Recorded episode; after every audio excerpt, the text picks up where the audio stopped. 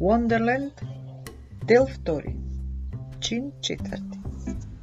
Додека чекам и се надевам дека мојот домакин сепак ќе се врати, некакво необично суштество со крила почна да облетува околу мене и да ми пречи. Најпосле морав да станам и да се обидам да му избегам. Дури почнав и да трчам, мафтајки со рацете и главата да го залажам малото чудовиште. Така без да гледам точно каде се движам, се судрив со некој друг кој трчаше во спротивниот правец. Двајцата извикавме гласно и паднавме на земја. Кога успеав да се подигнам на нозе, до мене лежеше испружен необичен тип со брада и голем стомак, облечен во джинс, мајца со куси ракави и кожен елек. По него блеска разновидни метални украси дополнети со кожен качките темни очила. Косата му паѓаше до рамениците. Не стана, туку продолжи да лежи и да се смее со раците кренати над главата и расширени нозе. Побогу, побогу, побогу, какви градини, какви бајки, какви сентименталности. Извика и се закикоти. Потоа нагло седна и ја истресе прашината од себе. Види, види сега. Продолжи да зборува малку поразговетно. И јас не припаѓам всушност тука, како што и самата ќе забележиш после кусо време од нашиот разговор. Но мене ми е возможно да заминувам и да доаѓам. Мислам, повремено можем да престојувам малку во ова друштво, исто како и ти сега. Мислам, не знам дали ме разбираш. Хм, хм, се прашувам дали би требало многу да ти објаснувам. Хм, мислам, да речеме, Сосема случајно се најдов тука, бркајќи еден собствен измислен лик кој се обиде да ми се сокрие од оваа страна на огледалото, бегајќи од зубината која му ја наменив. А тоа е, мислам, кврци готово. Јас не сум многу нежен со нив, знаеш. Тие се само ликови, кои јас и никој друг. Јас сум ги оживеал. А како па само се вообразуваат, И ете така, бркајќи се со него, ха-ха-ха, налетав на двојава, мислам, хм, ситуација, како што би рекол. Па си помислив, не е лошо малку да се вклучам и да те вратам, нели да те вратам на патот по кој треба да одиш, зошто тоа има и малку некаква цел, ако ме разбираш.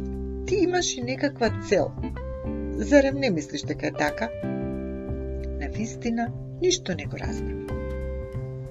Види вака, мислам, ова со градината и без нив. Можам нешто околу тоа да ти објаснам. Скина една тревка и ја стави в уста. Мислам дека постојат два типа на писатели. Архитект и градинар. Архитектот планира се. Пред време, баш како архитект кој гради куќа. Тој знае колку соби има во куќата, каков вид на покривки има, каде ќе се протегаат жиците за струја, како вид на водоводни цевки ќе се инсталираат. Повторно се закикоти расположено. Па тие волите ја имаат целата работа издизајнирано и испроектирано, пред уште да ја удрат првата шајка. Врти со главата како со чудење и неодобрување. Градинарот, продолжува со ентузијазм, Градинарот купа дупка. Го става во неа семето, да не речем го фрла семето внатре и после го полева со вода. Тие како божем знаат какво семе посадиле. Знаат, да речеме, дали е семе од фантазија, или семе од мистерија, или од што и да е. Но како растението ќе изникне и тие ќе го наводенуваат, тие некако сега веќе не знаат колку бујно ќе биде и колку и какви гранки ќе му изникнат и кон каде тие ќе се протегаат. Така, тие се откриваат дури тоа расте. Сега се исправи сосем и ги истресе тревките и земјата до блеката. Јас самиот сум многу повеќе градинар одошто архитект. Заклучи кусо и одсочно. Но погледни таму. Одеднаш, од некаде во рацете му се најде двоглед. Ми го подаде. Ајде, ајде, дзирни малку да видиш. Е, хе, хе, хе, хе. Погледна во далечината каде што тој ме насочуваше. Се гледаше мала група од луѓе, околу десетина, кои беа седнати на отворено, формирајќи некаква мала дружина. се наоѓаа на приземниот балкон од еден мощне елегантен стар дворец, околу кој се протегаше прекрасно уреден парк. Мајшите носеа светли костуми и летни шапки. Жените во главном седеа и беа облечени во вечерни тоалети, дополнети со необични старински фризури, шминки и нахит. Целата група, со исклучок на една жена која ги наблюдуваше од определена далечина, издвоена од сите, формираше полукруг, а во центарот на тој полукруг стоеше низок, малку необичен човек, полничок околу струкот, елегантен, во црно, прокелав и со смишни сукани устаки. Се чинеше дека тој е во центарот на сечие внимание.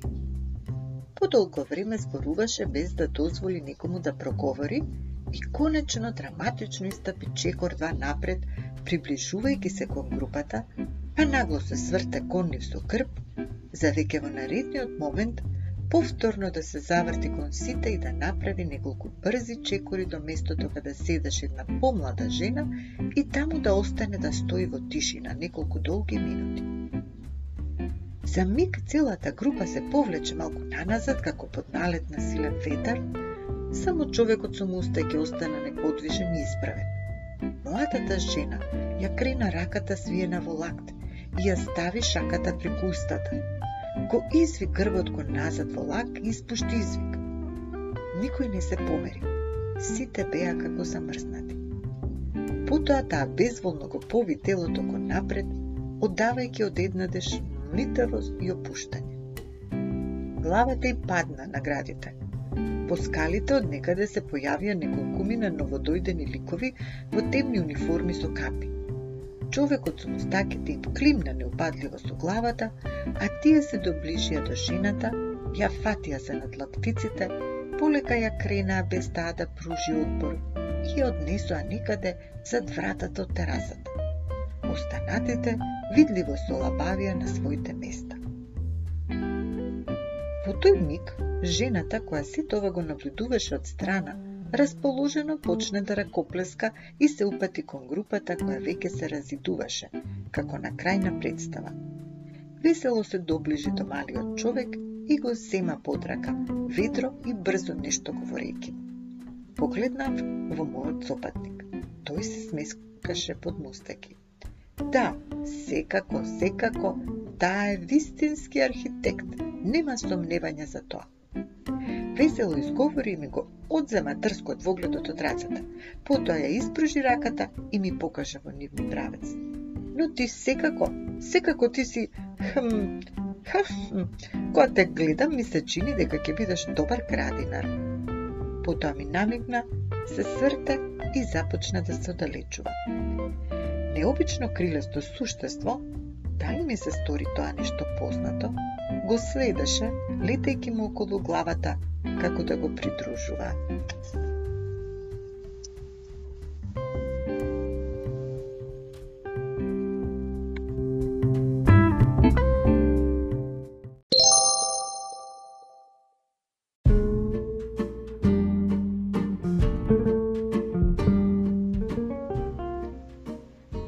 Wonderland Дел 2 Чин 5 Чекорев погромен тревник, безпрекорно зелен и искусен до совршенство. Ми се доближува алеи со рози и патеки со ситни каменчиња. Жената ме наблюдуваше како се приближувам, додека на устните лептеше мистериозна насмевка, која не можев да ја протолкувам. Погледна во својот придружник и нимо се разбра со поглед. Тој климна со главата, ги спои петиците и лесно и се наклони. Потоа ми тргна во пресред. Команте телеву, мадам. Малиот човек ми пристапи сосема близко. Со, избе, со извежбано елегантно движење, ја зема мојата рака во неговата и ми се наклони. Туа bien voyage, joa, votre objectif est pro. Sois courageux. Навистина е љубезен, но моите часови француски беа многу одамна. Ме поведе кон големото и прекрасно здание кое доминираше во просторот на паркот. На терасата веќе немаше жива душа. Сите исчезна. Мадам, зборот остана да виси во воздухот. се чинеше се двоуми како најдобро да ви го долови она што следи. Огледалото е подарок. Ми се обрати сосема отворено без заобиколување. Не е дозволено секому да ја мине неговата површина. Продолжи малку замислено. Патувањата на духот се оние најзначајните во животот. Може да се сметате себе си за особено среќни. Гноти саут. Ох, зарем сега ќе почне со латинскиот помисли. Ја затреса главата, обидувајќи се да изгледа покровителски. Низ вратата од терасата мина жена облечена во темен фустан закопчан до грло и со бела престилка. Во рацете носеше тацна со прибор за чај. Го спушти до нас без збор и безшумно со далечи. Повелете, повелете, послушайте се. Моднов домакин изрази нескриено задоволство гледајќи во послужувањето. Добар е за малите сиви сивикели, за да работат им треба само мир и тишина и удобна столица. Ни наточи на двајцата од чајот и ми пружи една шола.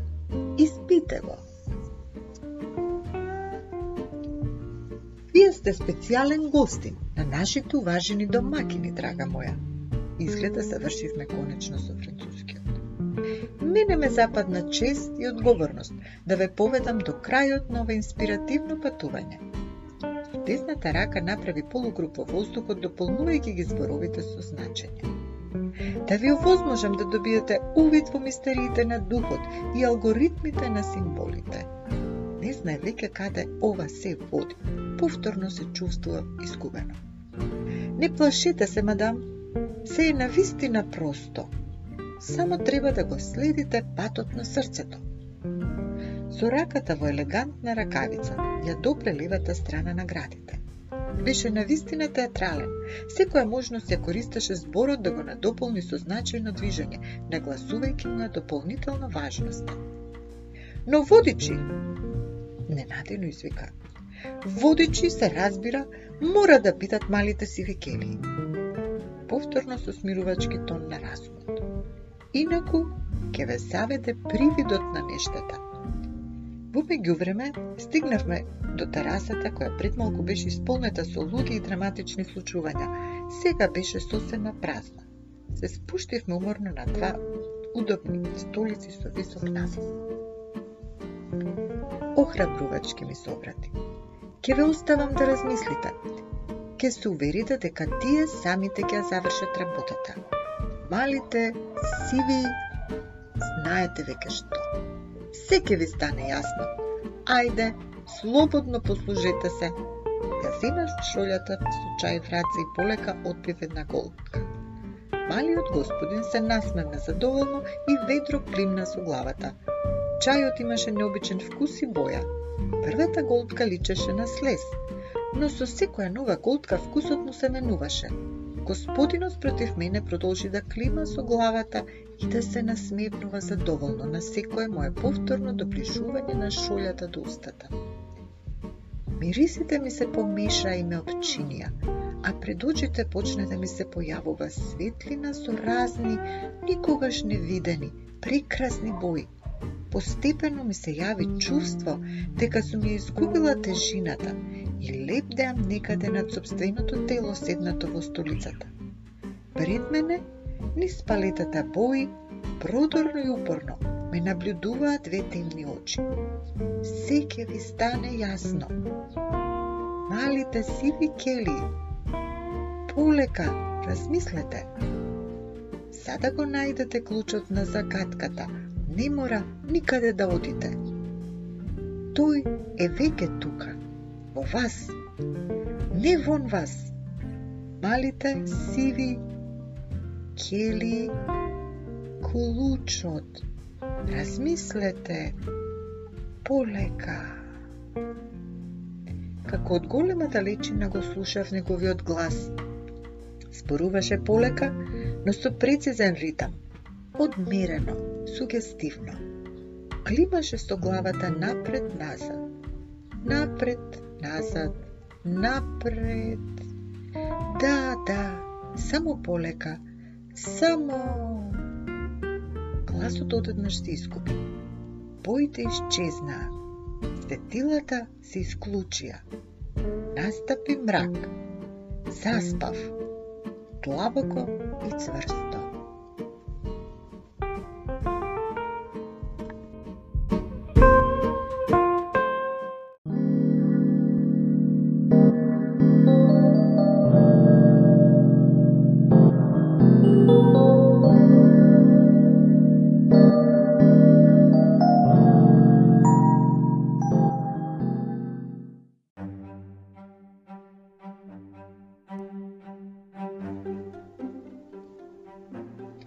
Wonderland, дел 2. Епилог Се разбудив на истото место. Седе во истата удобна столица со наслон. Спроти мене се наоѓаше уште една таква, но сега беше празна. Необичниот господин со мустаките никаде го немаше.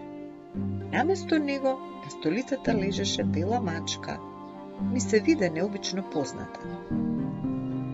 Се чувствував како да сум спиела најмалку стотина години. Станав и се протегнав. Погледнав наоколу. Необично, столицата веќе не беше на терасата од убавата куќа. Се наоѓаше во трева на едно возвишување. Во далечината се слушаше шум на бранови. Мачката го следеше мојот пример. Ги пружи предните нозе напред и го истегна телото. Рипна од столицата на земја, мјаукна и ме погледна право во очи, а потоа тргна да оди по една патека. Станав и почнав да ја следам. Се искачивме на мала угорница. Оттаму се протегаше поглед кон широка водена површина. Непрегледна вода, океан. Патеката се спушташе до мала песочна плажа. Долу, при крај на патеката, стоеше жена свртена со грб со поглед вперен кон површината на водата.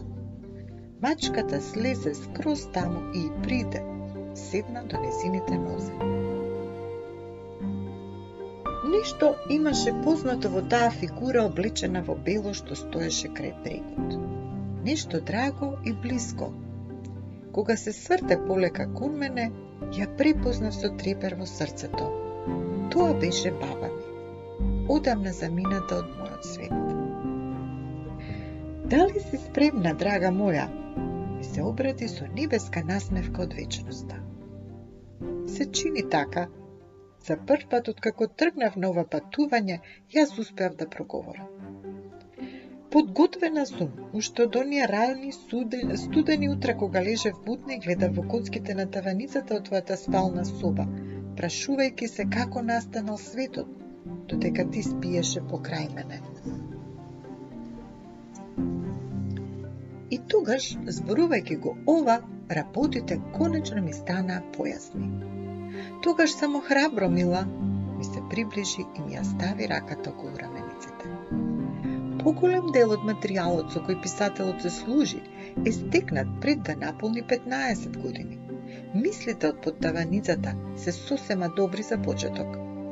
Се насмеав повторно, сјајки како звезда. Животот е циклус, круг. Сите ние овде, сите вие таму, легуваме и излегуваме од него постојано. Цела вечност. Смислата е во себе спознавањето. Патот на херојот е духовното созревање. И кога трае еден човечки век, смислата се гледа само кога ќе се изврви целосно во себе. Се чини овде си во добро друштво, се шегува. Водата те чека, Таа ми покажува кон океанот кој се бранува до незините нозе. Ме чека? Повторно сум збуната.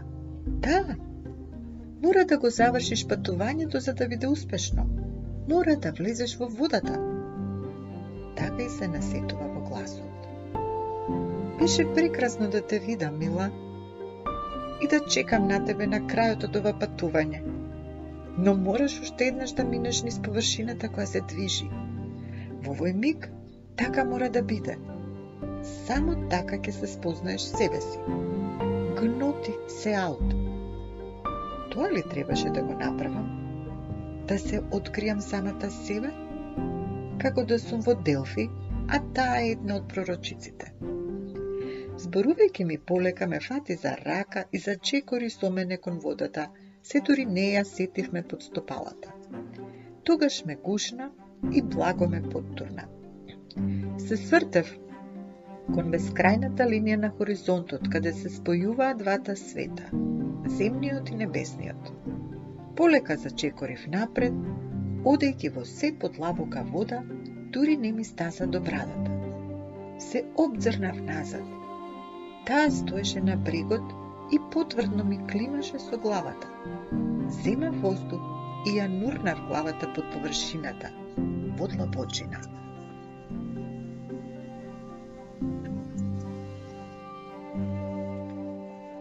There she waves by night and day, a magic web with colors gay.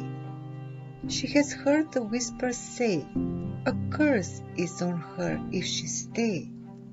To look down to Camelot. She knows not what the curse may be, and so she waved steadily. And little other care had she, the Lady of Shalott. Искини ја мрежата, искини ја мрежата. Гласот што го слушав доаѓаше од некоја внатрешна димензија. Прво на што се сеќавам е нешто како ми ја лиже раката. Ги отворив очите. Лежам дома во својата постела. Косата ми е сосема мокра. Нагло се исправив и до мене догледав бела мачка. Ми олесна. Во главата ми се матеше. Сеќавањата ми беа нејасни. Некои чудни слики како од сон ми излекуваа пред очи. Седнав и погледнав наоколу, припомнувајќи си што се случуваше. Некое необично чувство ме следеше. По подот лежеа расфрлени книги. Земав да ги средам. Ги подредив по полиците над креветот.